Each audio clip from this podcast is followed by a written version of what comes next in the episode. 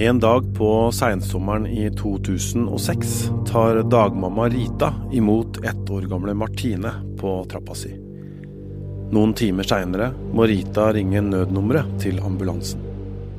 Fire dager etterpå dør den lille jenta. Noen måneder seinere blir Rita sikta, men saken blir henlagt. I elleve år lever hun mer eller mindre i frihet. Så kommer tiltalen. Jeg vet at, eh, at, jeg ikke har gjort noen ting for å skade Martine. Men jeg vet jo ikke hva som har skjedd. Nå soner den 53 år gamle dagmammaen for vold som fikk døden til følge for 13 måneder gamle Martine. Men Rita mener hun er feilaktig dømt. Da gjenopptakelseskommisjonens fem medlemmer tok stilling til saken hennes i fjor, var to av dem for en ny sjanse i rettssystemet. Tre var imot. Nå har dagmammaen og advokaten sendt enda en søknad. De mener det finnes bevis som gjør at dommen er gal. Hvor vanskelig er det egentlig å få saken sin gjenopptatt? Og hvor stort ansvar har gjenopptakelseskommisjonen når det kommer til å avdekke justismord i Norge? Det kommisjonen gjør, er jo å behandle de sakene som kommer inn til oss. Så det kan godt tenkes at det er mange saker som burde ha vært begjært hit, som ikke er der. F.eks. at noen bare har gitt opp og bare forholder seg til dommen. Det kan jo godt tenkes. Jeg heter Tor Erling Tømt Ruud, og dette er Krimpodden i VG.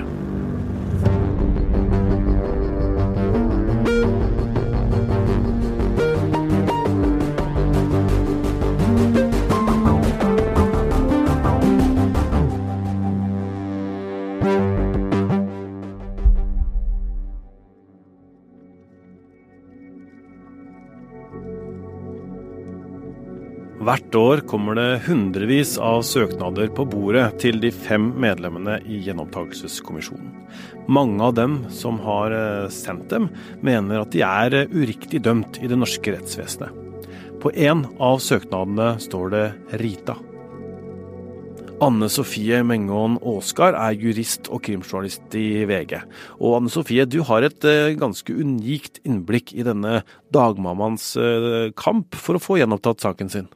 Ja, dette er en sak jeg har jobba med lenge som krimjournalist ulike steder. Og for to måneder siden så besøkte jeg dagmammaen i overgangsboligen hvor hun bor nå.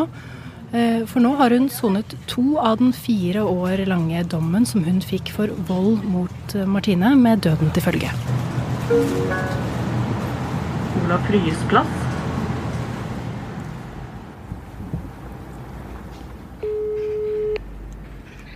Rita. Hei du, Dan Sofie i VG. Hei du. Hei. Nå står vi utenfor, tror jeg, på riktig plass. Mm. Ved en bom, og så står det 8D. Ja. Da går, bare går du litt bortover, holdt jeg på å si, og så er det en inngangsdør som du ringer på. Så blir du låst inn. Kjempefint. Da ses vi snart.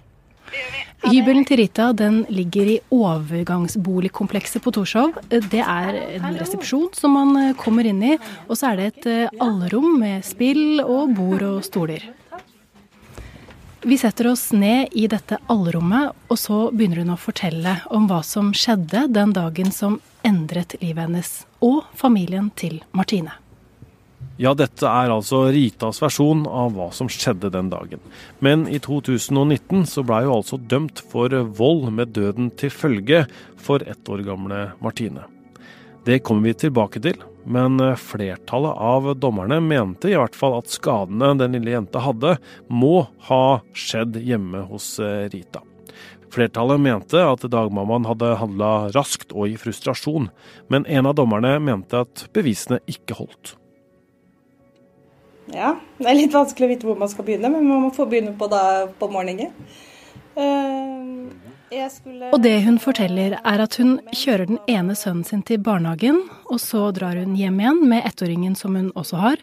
For en av grunnene til at Rita vil være dagmamma, sier hun, det er fordi hun vil gi ettåringen en lekekamerat. Hun har møtt Martine og moren eh, noen ganger tidligere, sånn for å bli kjent, men dette er første gang hun skal passe den andre ettåringen alene.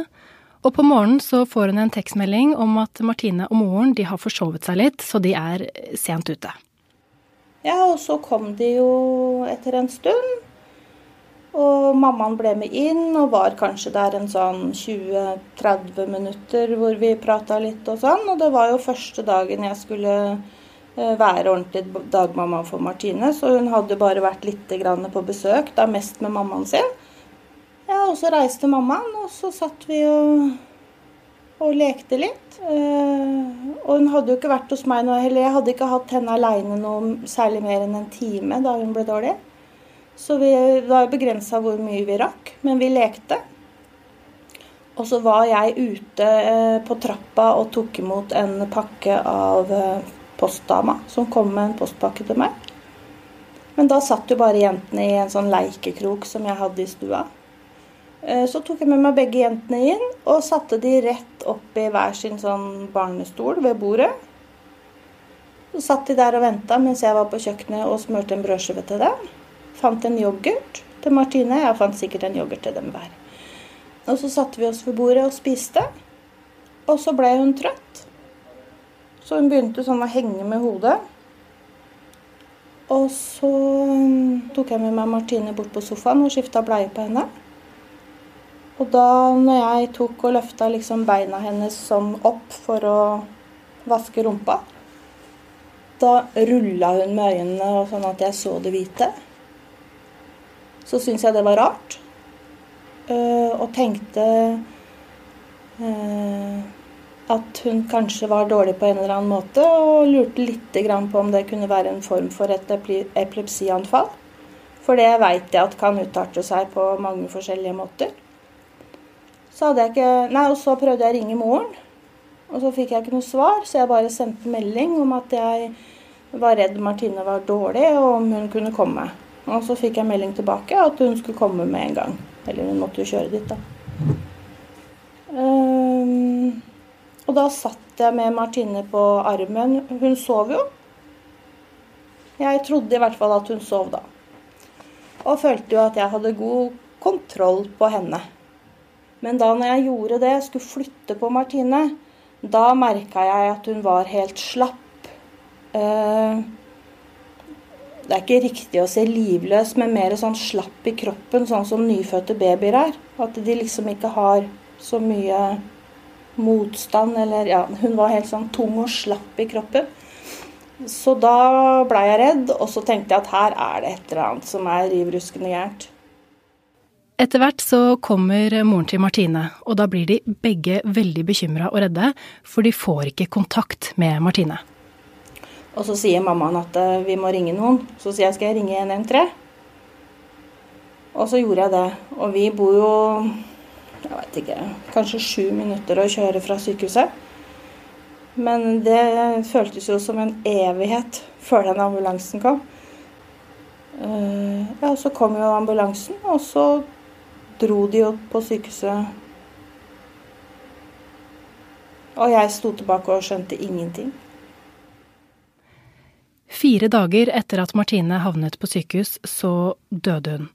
Dagmammaen og samboeren de blir invitert til begravelsen, og de går i den. Men ikke lenge etter dødsfallet så må dagmammaen inn til avhør hos politiet. Og da er hun et vitne. Ja, da er hun et uh, vitne, fordi rundt denne tida så er hun ikke mistenkt for å ha noe med saken å gjøre. Nei, det går over fire måneder før dagmammaen på ordentlig kommer i politiets uh, søkelys, og da blir hun siktet. Etter at hun blir avhørt som vitne, så hører hun nemlig ingenting fra politiet, men det er bare enn så lenge. Mm. Men mora til Martine kom jo eh, dit etter hvert, som vi hørte. Hva, hva, sier hun om det som skjedde? Er, er hennes versjon den samme som den dagmammaen har? Det er ikke så lenge siden jeg hadde en lang samtale med moren til Martine. Hun ønsker ikke å stå fram med fullt navn eller på lyd, men jeg har fått lov til å gjengi praten vår eh, her i Krimpodden. Og for å svare på spørsmålet ditt, så vet egentlig moren til Martine veldig lite av hva som skjedde denne dagen, fordi hun var jo ikke der. Hun var ute og gjorde noen ærender mens Martine skulle være hos dagmammaen. Så til meg så sier hun at hun leverte en frisk unge, og at hun kom tilbake etter noen timer, men at da hun kom tilbake så var alt annerledes. Hun sier at hun har gått glipp av en veldig viktig bit i midten. Både da og nå så forteller dagmamma Rita at hun sliter med en slags dårlig samvittighet for om hun burde tatt grep tidligere enn det hun gjorde. Hun så jo det hun forteller var en baby som ga mindre og mindre respons. I dommen så står det at flertallet i lagmannsretten, etter alle bevisene og de sakkyndige, mener at Martine må ha vært som vanlig denne morgenen eh, da hun ble levert. De mener det er bevist at dagmammaen påførte de tydelige skadene forsettlig, altså med viten og vilje. Men det mener ikke mindretallet, som tok dissens, og heller ikke Rita. Det var eh, tøft å ikke forstå hvordan det var mulig. Uh, det var og er iblant nå også tøft og vanskelig å vite at jeg holdt henne på armen sovende, at jeg trodde at hun sov, men at hun faktisk var bevisstløs. Den er liksom vanskelig. Uh, og så kom jo Kripos eh, og skulle ha sånn åstedsundersøkelse. Så vi blei jo liksom kasta ut hjemmefra. Så det var jo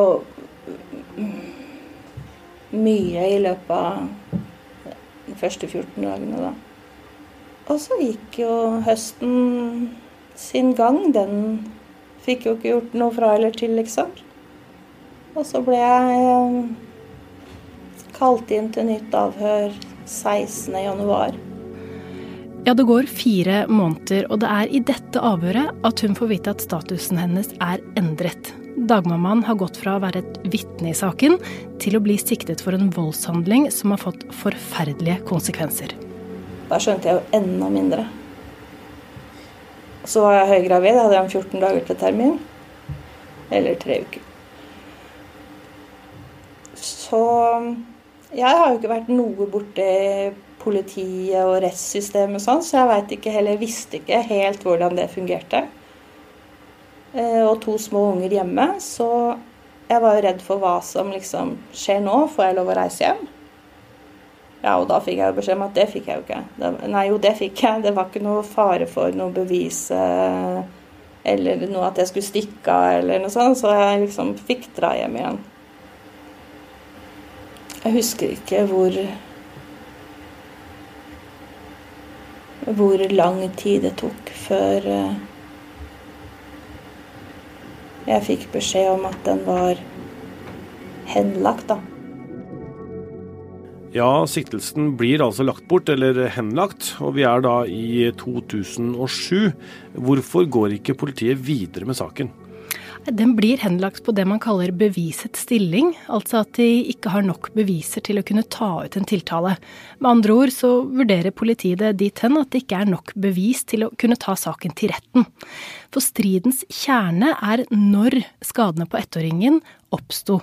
Var det før Martine kom til dagmammaen, eller var det da hun var der? Og Politiet de konkluderte altså med at det ikke var nok beviser til å kunne fastslå at skadene skjedde hos dagmammaen. Mm. Jo, det var jo bra. Fordi eh, i forhold til å ha påført noen skade, så hadde jeg jo god samvittighet. Mm, det jeg syntes var vanskelig, det var jo det jeg sa om at eh, hun var bevisstløs på armen min.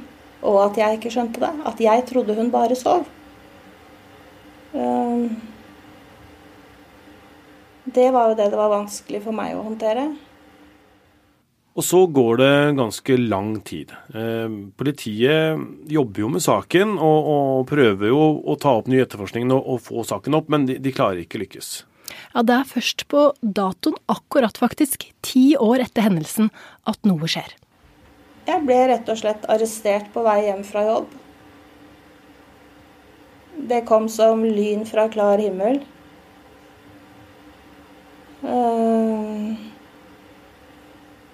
Politiet trengte noe for å få åpna opp igjen den Martine-saken. Så de eh, Så når vi var i, i tingretten, så hadde jeg jo to saker på meg. Det var Martine-saken, og så var det psykisk og fysisk vold mot egne barn. Så når jeg da satt på politistasjonen og hadde blitt arrestert på vei hjem, og satt der, og de sa at de hadde mistanke om at jeg hadde utøvd psykisk og fysisk vold mot barna mine. Så fikk jeg helt sjokk. Jeg har hatt noen utfordringer, eller at det, no, det har vært tøft mange ganger, da. Uh, men det har liksom aldri vært noe vold inne i bildet. og Jeg har hatt supergodt og nært forhold til alle ungene mine hele veien. Men selv om hun da er anklaget for å ha utøvd vold mot sine egne barn, så blir hun eh, sluppet ut igjen. Politiet avhører jo barna hennes, og saken blir lagt bort ganske raskt. Men dette har jo påvirket dem i ettertid. Og det satte jo noen spor hos ungene også, så lenge kanskje ikke så lenge som et år, men mange måneder, så var jo de livredde ved hver gang jeg stakk ut av døra for at jeg ikke skulle komme tilbake. Og når jeg var i kontakt med politiet og sånn også, så ble de jo kjempelei seg og redde for at jeg, politiet skulle ta meg med igjen. Så, så det satt, satte noen spor. Denne dagmammaen har jo da etter hvert eh, vært gjennom mange runder i politiet og rettsvesenet. Ja, det var først fire måneder etter at Martine døde, så året etter.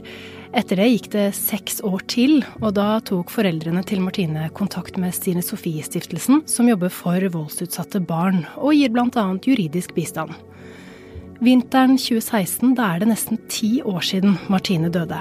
Da blir saken sendt til cold case-gruppa i Kripos, som startet en ny etterforskning. Saken blir altså åpnet på nytt.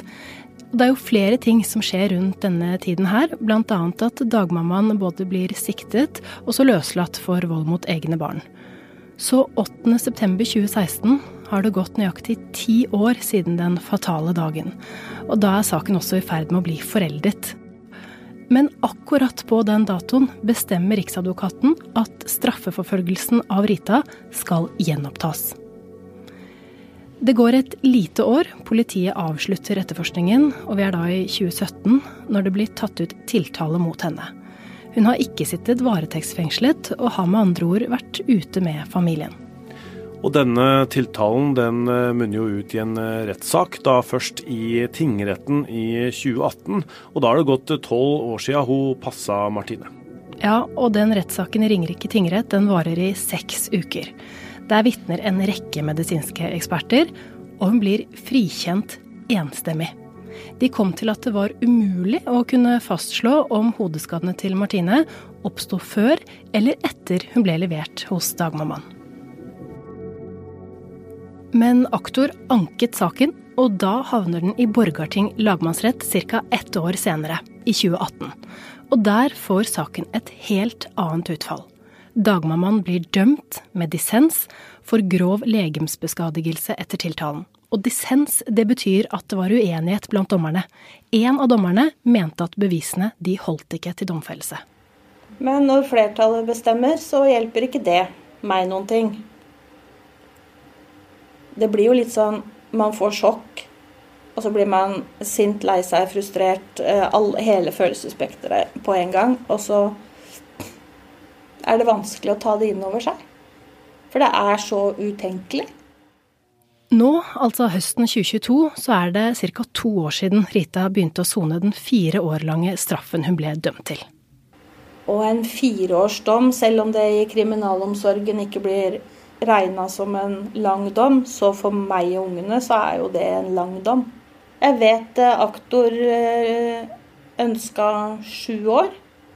Og så var det vel noe noe fratrekk fordi det hadde tatt innmari lang tid. For hvor lang tid tok det med tanke på når Martine døde, og når du til slutt ble dømt? Ja, Martine døde 8.9. i 2006. Og så fikk jeg dommen min da i september 2019. Det er ganske mange år etterpå, ja. Men så er det sånn at eh, påtalemyndigheten og retten mente til slutt at det er du som har drept Martine. Og Ja. foreldrene til Martine er også overbevist om det. Mm. Hva tenker du om at de, de, de, er jo overbevist om at det er det som er sannheten. Hva, mm -hmm. hva tenker du rundt det? Nei, jeg tenker jo at Det er jo en av grunnene til at det er viktig for meg å få tatt opp igjen den saken. Fordi det er vanskelig. Ehm, jeg syns på en måte synd på dem som tror at de har fått svar på hva som skjedde med Martine, når jeg veit at det er feil. Det var, det, det var ikke det som skjedde. Vi snakker jo her mest om Ritas versjon. Og så nevnte du Anne Sofia, at du hadde snakka med mora til Martine for ikke så veldig lenge siden. Hva fortalte hun deg da? Dette har vært veldig tøft for moren til Martine. Denne saken har trukket ut over mange år, og det har vært tøft. Eh, og når det nå kommer et nytt forsøk på å få gjenopptatt denne saken, så er det også veldig stressende.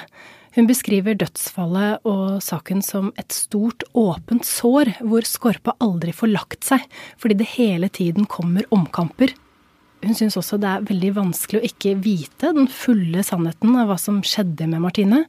Det å ikke vite hvordan datteren hadde det de timene hun var hos dagmammaen, det gnager, forteller moren. Samtidig så er hun også tynget av en slags skyldfølelse fordi det var hun som reiste fra Martine den formiddagen hos dagmammaen. Og det er ingen god følelse som mor, har eh, hun sagt til meg. Moren hun er overbevist om at det er rett person som er dømt i denne saken, og det er fordi hun mener at Martine umulig ville kunne ha fungert normalt da hun ble levert denne morgenen, hvis hun allerede hadde store hodeskader. Og dessuten så må vi jo huske på at uh, moren har jo også støtte i en rettskraftig dom, som tross alt har slått fast at skadene de må ha skjedd hos dagmammaen. Ja, så det striden har stått om er vel om da skaden skjedde før eller etter Martine kom til dagmammaen. Eller hvordan det eventuelt eh, kan ha skjedd eh, mens hun var hos Rita. Ja, Rita holder fast ved at Martine begynte å bli slapp da de spiste og nevner at hun gikk ut for å hente en pakke, hun gikk en tur på do, men hun hørte ingen lyder, og det var ingen gråt, og ingen tegn til at det hadde skjedd noen skade. Det er i hvert fall det hun forteller. Um, jeg kjente jo ikke Martine så godt, så jeg opplevde jo at hun var veldig stille og forsiktig.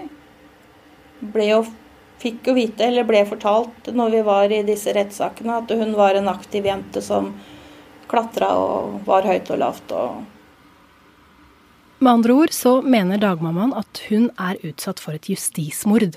Hun ble jo enstemmig frikjent i tingretten, men dømt med dissens i lagmannsretten.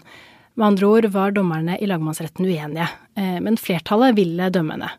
Så i fjor sommer så søkte dagmammaen og forsvareren hennes gjenopptagelseskommisjonen om å få saken tatt opp på nytt, altså vurdert i retten på nytt.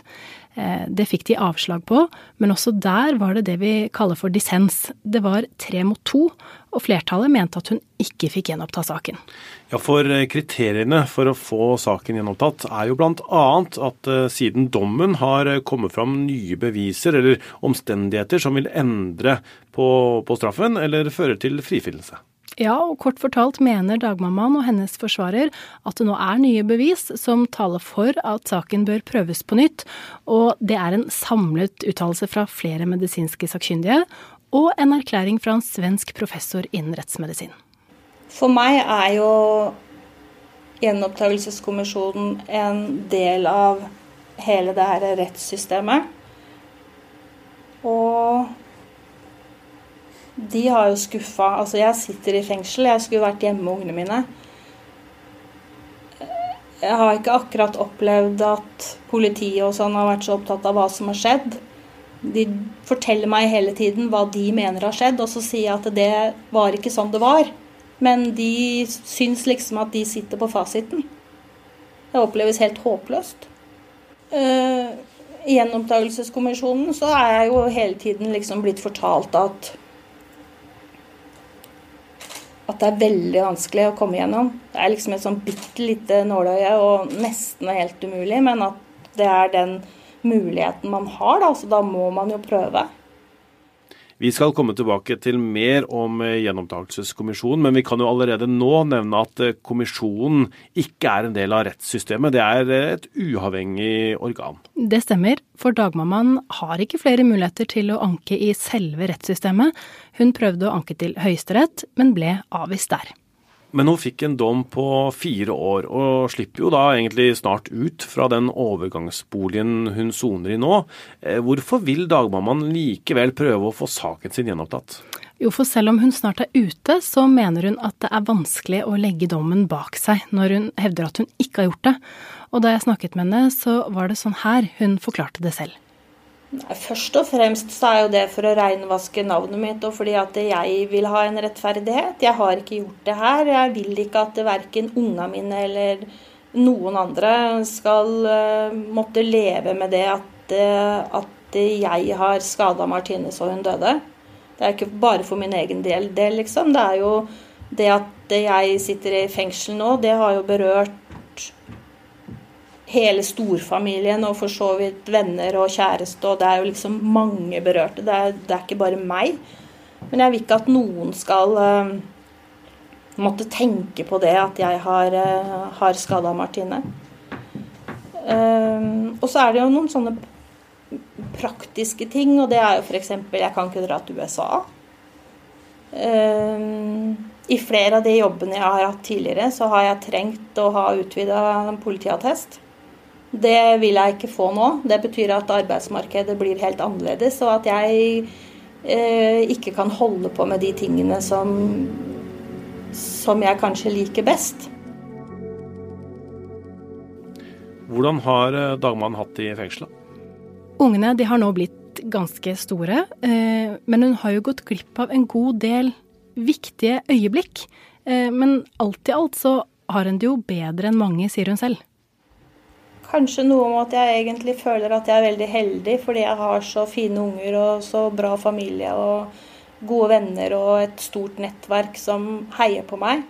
Jeg var i Kragerø på høy sikkerhet i åtte måneder, og på de åtte månedene så skrev jeg og fikk over 100 brev. Og så var jeg jo åtte måneder på lavere sikkerhet på Bredtvet. Og da kom jeg jo litt nærmere, så da kunne jeg jo få litt mer besøk. Og da hadde jeg jo kommet så langt at jeg begynte å få permisjoner også og kunne være litt hjemme. Men nå har jeg jo vært her i, på overgangsbolig i åtte måneder. Og her er det jo mye friere, så nå er jeg jo som regel hjemme tre ganger i uka. En ettermiddag og lørdag og søndag. Da sover jeg her for å ikke bruke opp så mye permisjonstid på å sove hjemme. Så jeg kjører frem og tilbake. Jeg har kjørt snart 30 mil siden januar. Eh, nei, men jeg har jo møtt mange uh, i fengsel som har uh, en helt annen ballast enn meg. Så jeg har jo følt mye på det at jeg er heldig. Og som jeg har sagt til ungene helt siden den dommen kom, at dette er ikke noe vi dør av. Det blir noen tøffe år. Men når dere gjør det dere kan gjøre for å ha det bra, så når dere har det bra, så har jeg det bra. Og så går det motsatt. Så gjør jeg det jeg kan få gjort for å ha det best mulig. Og da har ungene det bra når de vet at jeg har det bra. Og så er det noe som er litt eh, bemerkelsesverdig ved Ritas kamp for å få saken sin gjenopptatt. Ja, og det er jo at forsvareren hennes, Thomas Ramby, han har faktisk jobbet ganske mye gratis for eh, Rita. Nei, hvorfor eh, gjør man, eh, gjør man det? Det er sånn at som advokat så heter det så fint at man skal fremme rett og hindre urett. Og det ligger nok en god porsjon idealisme i bånn. Og og føler også et uh, menneskelig ansvar overfor Rita, som etter mitt syn er dømt for noe hun ikke uh, har gjort. Uh, det er også sånn som, som det er med gjenopptakelsessaker. Systemet bidrar ikke til gjenåpning av saker. Det er avhengig av at enkeltpersoner, enten det er advokater eller andre, litt kaster det de har i hendene og og giver på en ganske omfattende jobb. Eh, som nevnt så føler jeg for det første et eh, medansvar for at Rita er domfelt for noe hun ikke har gjort. Jeg føler et eh, løpende tungt medansvar for ikke å ha maktet å unngå en justisfeil. Hva kunne jeg gjort annerledes og bedre? Og det, det er med på å motivere meg for å gjøre den jobben som trengs for at at saken til slutt skal eh, lande riktig. I få ord eh, så handler dette om eh, lille Martine, eh, som eh, har fikk skader, og hun døde. Og det er, eh, det er selvfølgelig at det er den største tragedien i denne saken her. Men den andre tragedien er at det er en helt alminnelig samfunnsborger, eh, Rita, en dagmamma, som er domfelt for noe hun ikke har gjort.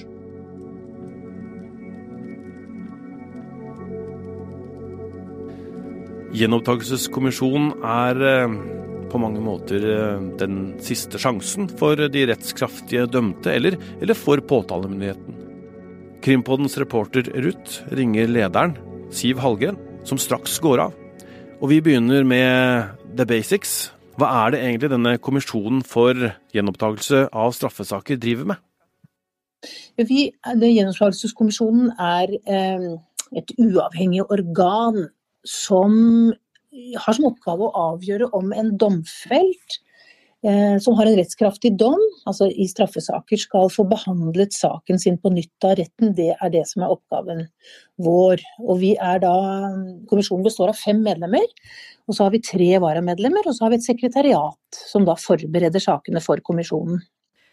Og vet du hvor mange begjæringer eller søknader som er inne hos kommisjonen nå? Altså hvor mange er det som, som ønsker saken sin prøvd på ny akkurat nå?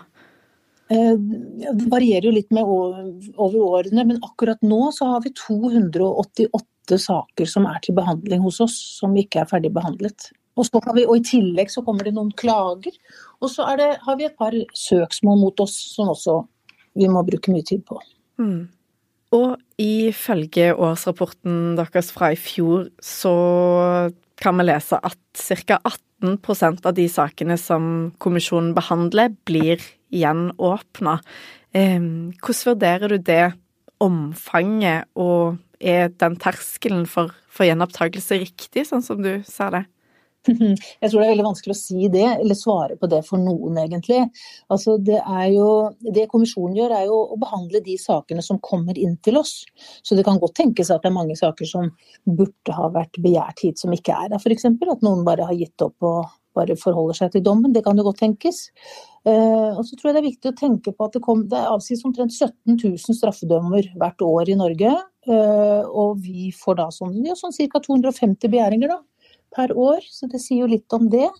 Eh, og så langt i år så har vi gjenåpnet 23% av sakene som vi har fått inn i år. Og kanskje det som kan være interessant, er å sammenligne f.eks. med den engelske kommisjonen, som ikke er helt lik den norske, men de, de har gjenåpnet ca. 2% av sakene. Men eh, hvis man, på en måte skal, man må gå veldig inn i disse sakene og se hva slags saker som det er for å kunne sammenligne det helt. Så jeg tror nesten ikke at det går an å svare helt på det spørsmålet ditt.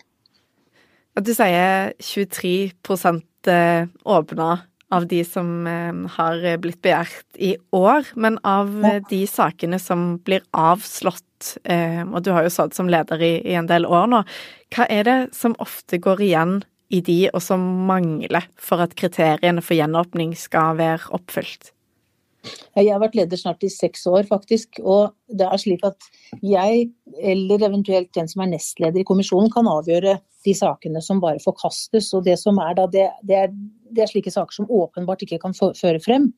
Eh, og det er jo rundt 50% av sakene som er det. Og det som jeg kanskje syns ofte det, er at det er ikke noe nytt som, som er i de sakene. Um, og så kan det være andre saker hvor man på en måte har nytt, men at man tenker at da er ikke vilkårene for gjenåpning til stede, da. For å få ja til å få prøvd saken sin eh, i rettsvesenet på nytt, så må det ligge noe nytt på bordet. Det kan være et bevis, det kan være at dommen er i strid med folkeretten, eller at man har funnet ut at noen som har behandla saken, har vært inhabile. Men ifølge leder Siv Hallgren så er det ikke alle som søker kommisjonen som faktisk melder noe nytt. Det kan hende de bare mener de er feilaktig dømt, og at retten ikke har trodd på dem. Særlig i høst har Gjenopptakelseskommisjonen fått en del oppmerksomhet, og en eh, god del av den har vært eh, kritisk. Etter å ha prøvd mange ganger, så fikk omsider Viggo Kristiansen gjenopptatt saken sin. Det førte til en ny etterforskning, og han ligger nå an til å bli frikjent for drapene i Baneheia. Men det var to av medlemmene i kommisjonen som stemte imot å åpne saken hans. Og Det gjør at flere har stilt spørsmål ved om eh, gjenopptakelseskommisjonen funker godt nok. Så vi spør Siv Hallgren om hvordan hun stiller seg til kritikken, og om den kommer til å endre noe ved måten de jobber på. Ja, noe. Jeg tror at det er, det er jo alltid mye, eh, det er mye forskjellig kritikk. Noe av det er konstruktiv eh, kritikk som vi kan gjøre noe med. Eh, og det er f.eks. dette med å ha forskjellige saksbehandlere hver gang saken kommer inn.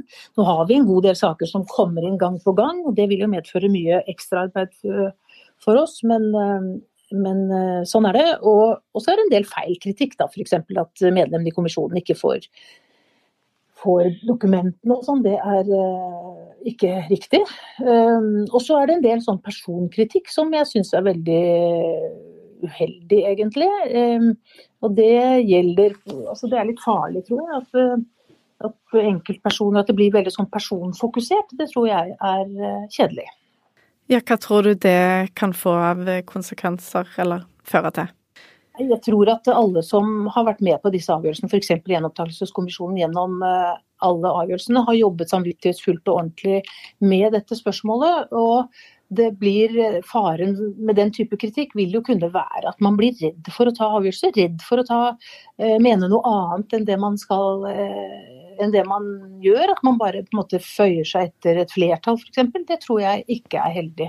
Og det har jo vært andre ting i vårt samfunn hvor, hvor enkeltdommere f.eks. har vært uh, hengt ut i avisen, som den såkalte Hemsedal-saken for noen år siden. Eller ikke, avia, ikke nødvendigvis i avisen, men hengt ut på Facebook og slike ting. Og det gjør jo at folk kan bli redde. Da. Du har jo helt vanlige mennesker som sitter i domstolen og tar avgjørelser. At man kan bli redde fordi man blir hengt ut Eh, med mer eller mindre usaklig eller saklig kritikk. Mm. Og så i denne saken som eh, vi tar opp i Krimpodden denne uka om dagmammaen Rita, så begjærte hun eh, saken sin gjenåpna i fjor, og så blei den søknaden avslått med to mot tre. Det at to kan være for og tre kan være imot, eh, munner vel kanskje ut i et spørsmål om kriteriene for gjenåpning er tydelige nok? Altså Det loven sier i dag er veldig tydelig, og det er at det er flertallet som bestemmer. Eh, det kan jo tenkes at kanskje man skal tenke gjennom om det bør endres. At man f.eks. har et sånt bestemmende mindretall, som man noen ganger har. da. Eh, og jeg har vel egentlig tenkt litt at man kanskje kunne ha istedenfor fem medlemmer i kommisjonen, burde hatt syv medlemmer. Eh, og at man der har et bestemmende mindretall. At hvis det er flere, altså tre eller flere som ønsker gjenåpning, så skal den gjenåpnes. Og jeg skjønner jo den tanken om at da er det på en måte en viss tvil til stede allerede. ikke sant? Hvis det er to mot tre for, eh, for gjenåpning, så er det jo en viss tvil som ligger der. Så Det er en eh, spennende og interessant tanke, tenker jeg på sikt, som sikkert dette som man kan gå inn på og se nærmere. Ja, for er det ikke et paradoks fordi når det er et mindretall i kommisjonen som tar dissens, så vil det jo per definisjon være en mulighet for at òg domstolen eh, vurderer denne saken til et annet resultat enn han har eh, fått allerede?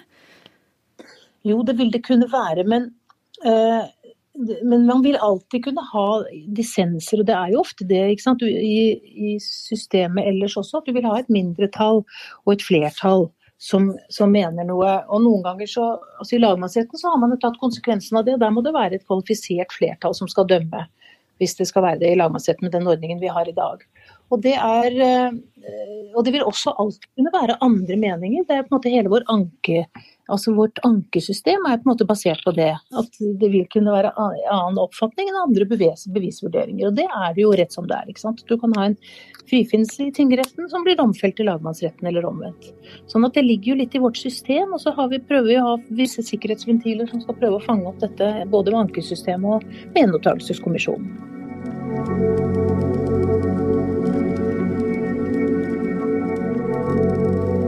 Ja, krimkommentator Øystein Milli, vi hører her eh, lederen for eh, gjenopptakelseskommisjonen, Siv Hallgren, eh, fortelle at det sitter fem personer da, i kommisjonen. Hva slags folk er det som sitter der? De som sitter i det som da er selve kommisjonen, de som avgjør sakene, om det blir en gjenåpning eller ikke, det er en, en sammensatt gruppe. Fem personer. Og som du sier, Tor Erling, Siv Hallgren, hun er jo har jo vært jurist, eh, bl.a. Eh, forsvarsadvokat og bistandsadvokat. Eh, hun er jo leder av kommisjonen. Og så er det en som er har bakgrunn fra psykisk helsevern.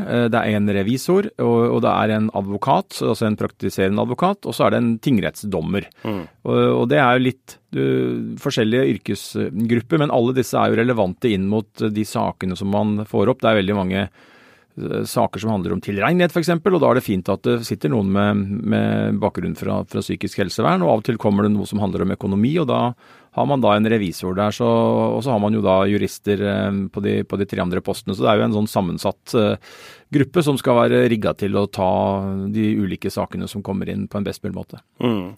Vi hører jo en del om dette med nye bevis eller nye omstendigheter som, som denne kommisjonen skal ta stilling til.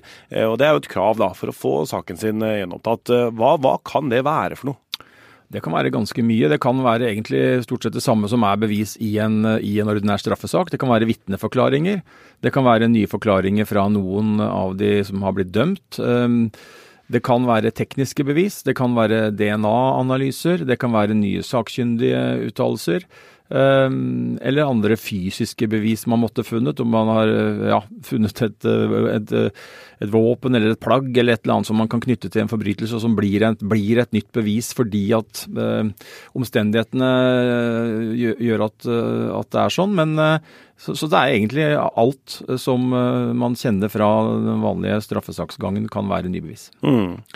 I eh, mange av de eh, sakene som vi kjenner godt, da, som, eh, som Viggo Kristiansen-saken f.eks., så, så han blir jo da etter alt å dømme frikjent eh, neste uke for drapene i Baneheia.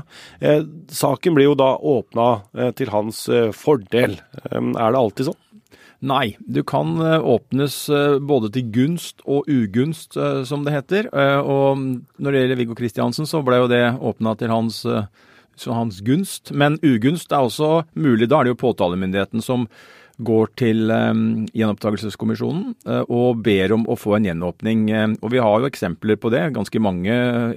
Eller mange, vi har en, flere i hvert fall. Og en av de kjente er jo Kristin Juel Johansen-saken, hvor en mann ble tiltalt. Han ble dømt i første runde, og så trakk påtalemyndigheten anken fordi man mente at bevisene ikke var til stede, og han ble da frikjent. Og så gikk det noen år, og man fikk nye DNA-bevis som viste sånn eh, påtalemyndigheten så det at det var han. Og da gikk eh, påtalemyndigheten til kommisjonen og ba om å få gjenåpna saken, og kommisjonen sa ja, her er det en ny omstendighet, her er det et nytt bevis som ville ført til et annet resultat. Saken ble gjenåpna, og mannen ble dømt. Mm. Og så er det heller ikke sånn at hvis eh, sakene blir gjenåpna eh, til vedkommendes gunst, da, så er det ikke sånn at den, man automatisk blir frikjent? Nei, og det er viktig å understreke. Og det har vi jo sett nå for de som har fulgt uh, gjenåpningsprosessen til Viggo Kristiansen, så ser man jo uh, nøyaktig hvordan dette er. Kommisjonen frifinner ikke. kommisjonen dømmer ikke. Det eneste kommisjonen gjør, er at de sier at den dommen, enten er frifinnende eller fellende, skal gjenåpnes. Straffesaken skal gjenåpnes. Og da blir den sendt tilbake igjen til påtalemyndigheten, som må vurdere hvordan, i første gang hvordan de forholder seg til det, og også da forsvarerne til, til vedkommende blir jo kobla inn. Og så er det jo da sånn som vi har sett i, i Viggo Kristiansen sin sak, at man da starter å her, I det tilfellet starta jo politiet med en etterforskning for å finne flere svar, finne ut av hva som hadde skjedd, om det var grunnlag for det ene eller andre. Det gjennomfører man, og så kommer man da fram til at her er det ingenting igjen av det som en gang var et domsgrunnlag, og da går man da til retten og ber retten om å frifinne Viggo Kristiansen. Så saken må da tilbake igjen til domstolen for å få en endelig avgjørelse. Så det er liksom først gjenåpning i kommisjonen, så tilbake til si, partene, og så en prosess der. Og så må man da inn i retten, og det handler både om om man skal ville dømme igjen, eller om man vil frifinne. Så må man da alltid tilbake igjen til retten. Det er domstolens avgjørelse som åpnes, gjenåpnes, og da må også domstolen treffe den endelige avgjørelsen når denne prosessen er over. Og de kan treffe da at man blir dømt på nytt? Ja, og det har jo skjedd også at folk har fått gjenåpna en dom av kommisjonen. Uh, og så er det som jeg sier, ikke noe garanti. For det første så står retten alltid fritt til å vurdere sakene. Uh, og det er heller ikke noe sånn at uh, kravet når kommisjonen først gjenåpner en sak, så er det helt åpenbart at man har en sak som vedkommende er uskyldig. Det er, det er ikke gitt. Og da, og da, er det jo sånn at man kan få gjenåpna en sak, og jeg tror det har skjedd både én og to ganger at folk har fått gjenåpninger og fortsatt blitt dømt i retten. fordi det er jo en helt annen prosess.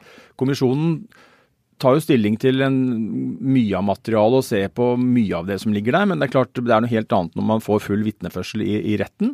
Uh, og så er det jo litt uh, ulike uh, krav i forhold til en gjenåpning og en frifinnelse eller en dom. Så det er ganske mange ting som spiller inn i den prosessen der. Vi hører jo her at kommisjonen i år har bestemt å åpne 23% av sakene som har blitt begjært gjenåpna. Hva, hva tenker du om det tallet? 23 Nei, det, er jo, det er jo nesten da én av fire. Eh, og det kan kanskje høres eh, lite ut, men eh, jeg tror det er likevel ganske mange sånn internasjonalt sett. Og som jo vi hørte Siv Hallgren si, det er betydelig flere enn i Storbritannia f.eks. Og så er det jo mange problemstillinger knytta til, til, dette her.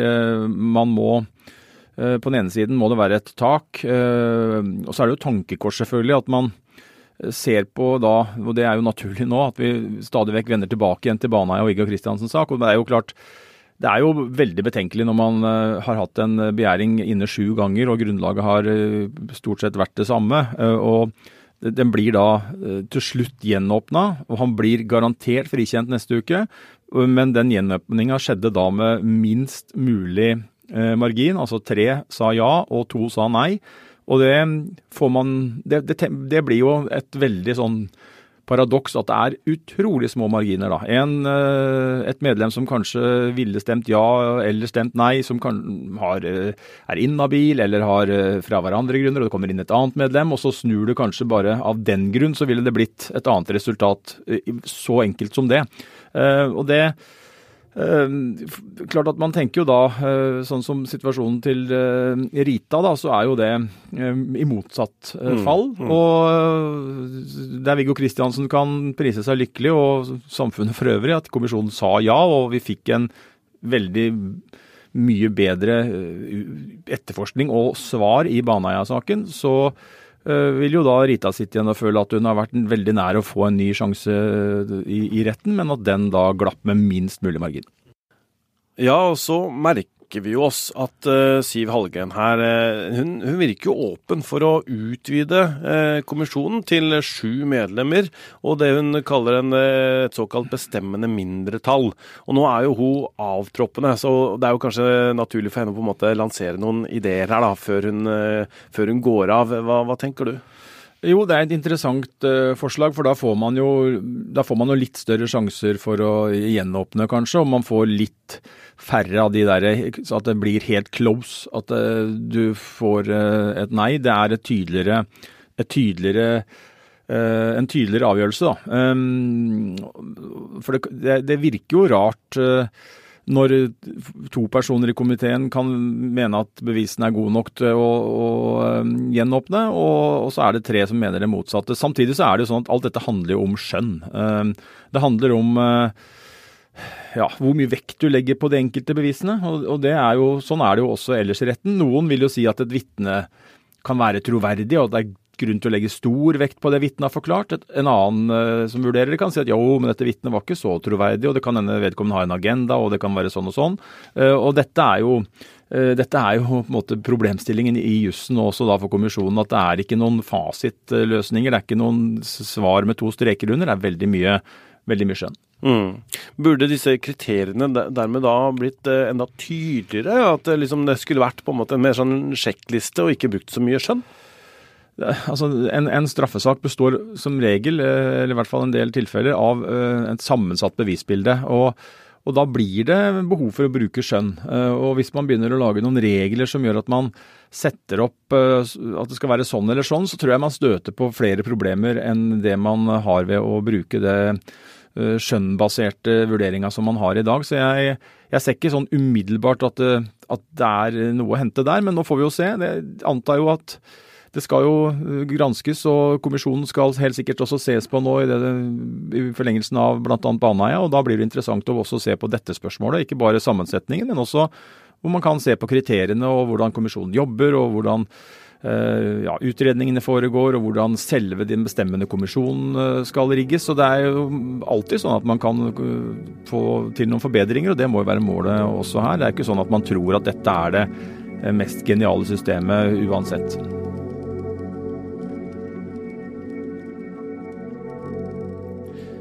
Nå er saken til Rita igjen i gjenopptakelseskommisjonens hender. Får den en ny sjanse denne gangen? Disse åra dagmammaen har vært i rettssystemet, har satt sine spor. Og ungene har jo merka det godt på at øh, nå har jo jeg fått erfart både med Martine og med rettssystemet hvor gærent ting kan gå. Sånn at uh, han sønnen min han sier jo det at 'Mamma, slapp av. Det går bra.' Nei, sier jeg. Du veit ikke det. det. det. går ikke alltid bra. Så jeg må liksom Ja. Så det er alltid sånn Vær forsiktig og det, og ikke gjør det, og ikke gjør det. Og, ja. og han bare sånn 'Mamma, slapp av. Det går bra.' Men det er ikke alltid det går bra. Denne uka kommer det også en eh, oppsummering av rettssaksuka i Birgitte Tengs-saken. Den eh, kommer fredag. Denne episoden er laga av Ruth Einevold Nilsen, Natalie Remu Hansen og Anne Sofie Mengon Aasgard.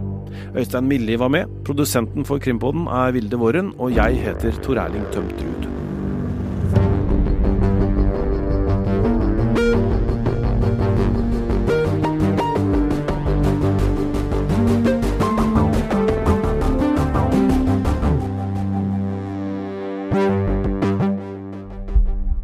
Du har hørt en podkast fra VG. Ansvarlig redaktør, Gard Steiro.